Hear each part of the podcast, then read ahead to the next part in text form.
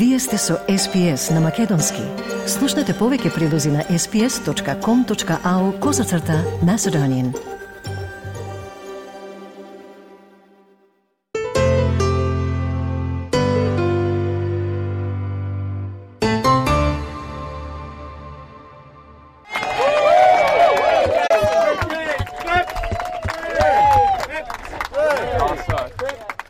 По шест месеци маратонецот и поранешен пратеник од редовите на либералите Пат Фармер го заврши маратонското трчање 14.000 километри во должина, за да ја покаже својата поддршка за домородниот глас во парламентот.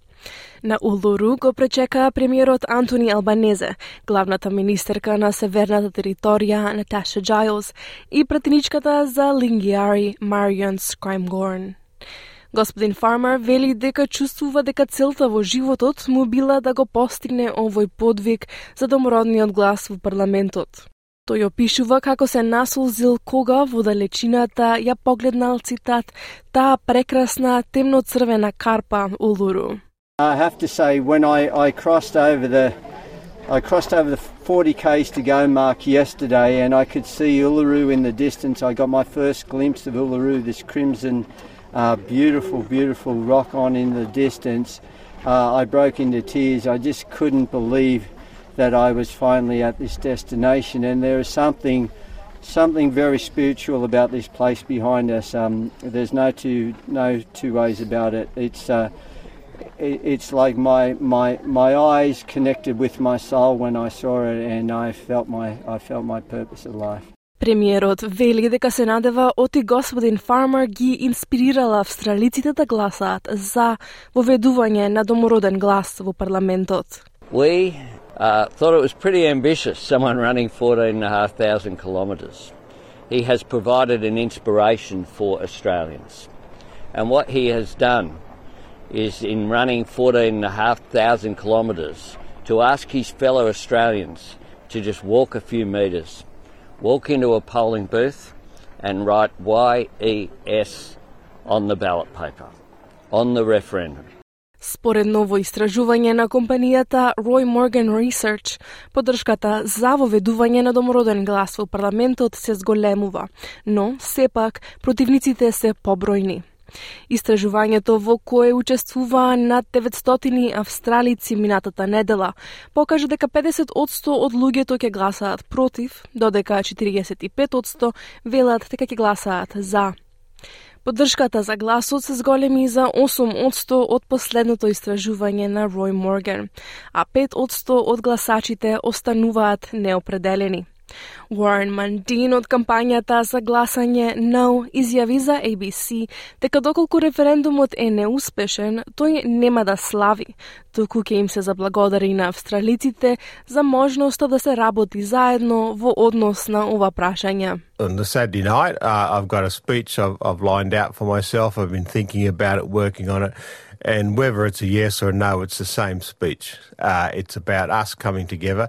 For for us, on the, uh, let's say no gets up, it's not about a celebration, and that it's about thanking people for their work and the Australian public, but it's about putting the hand out and wanting us all to work together and then move forward.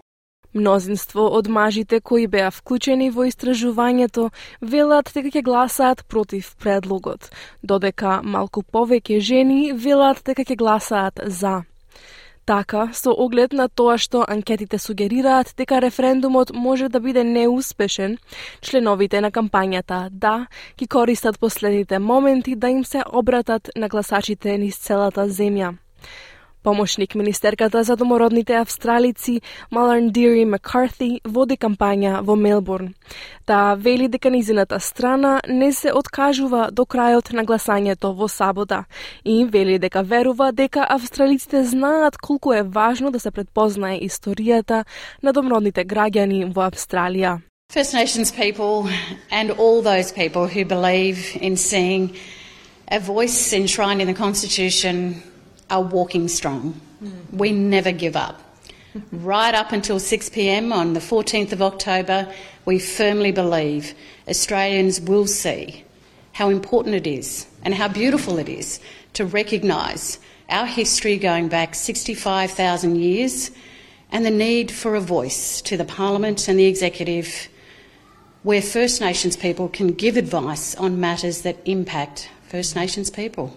Пратеникот од редовите на Националната партија и застапник на страната против, Барнаби Джойс, изјави за ABC дека тој верува дека наодите од анкетите се точни, особено кога станува збор за регионалните делови на Австралија. Тој вели дека се надева од и погласањето, австралиците ќе имаат можност повторно да се зближат по оваа поделба околу гласот. Obviously, I'm in a regional area, and as the polling suggests, I, I believe it in regional area. It's very uh, seems to be a very strong no. I, I could say something else, but that's um, I think that's the honest truth.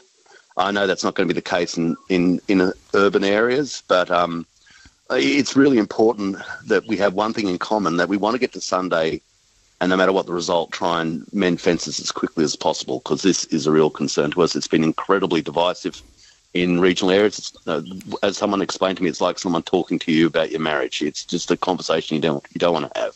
Патрик Додсен е сенатор од Западна Австралија и специјален пратеник за помирување и спроведување на изјавата на Улуру од срце.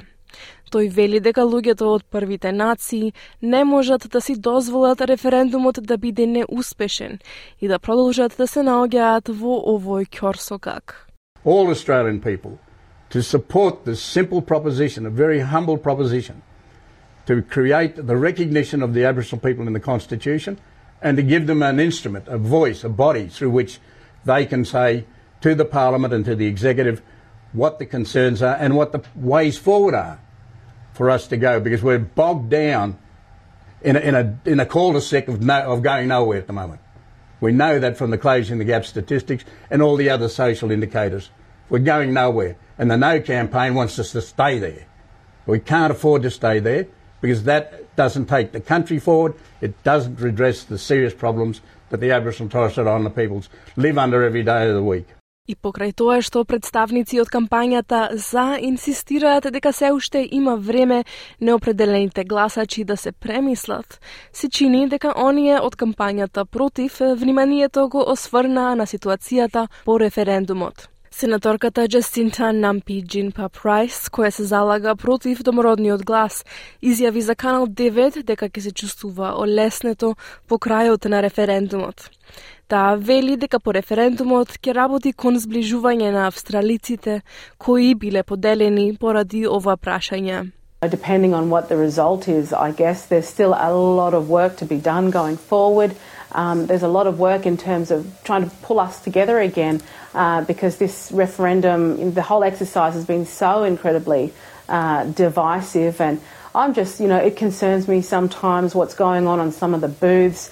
But I'm hearing that you know those that have been volunteering for the no vote have been you know have been getting treated really terribly.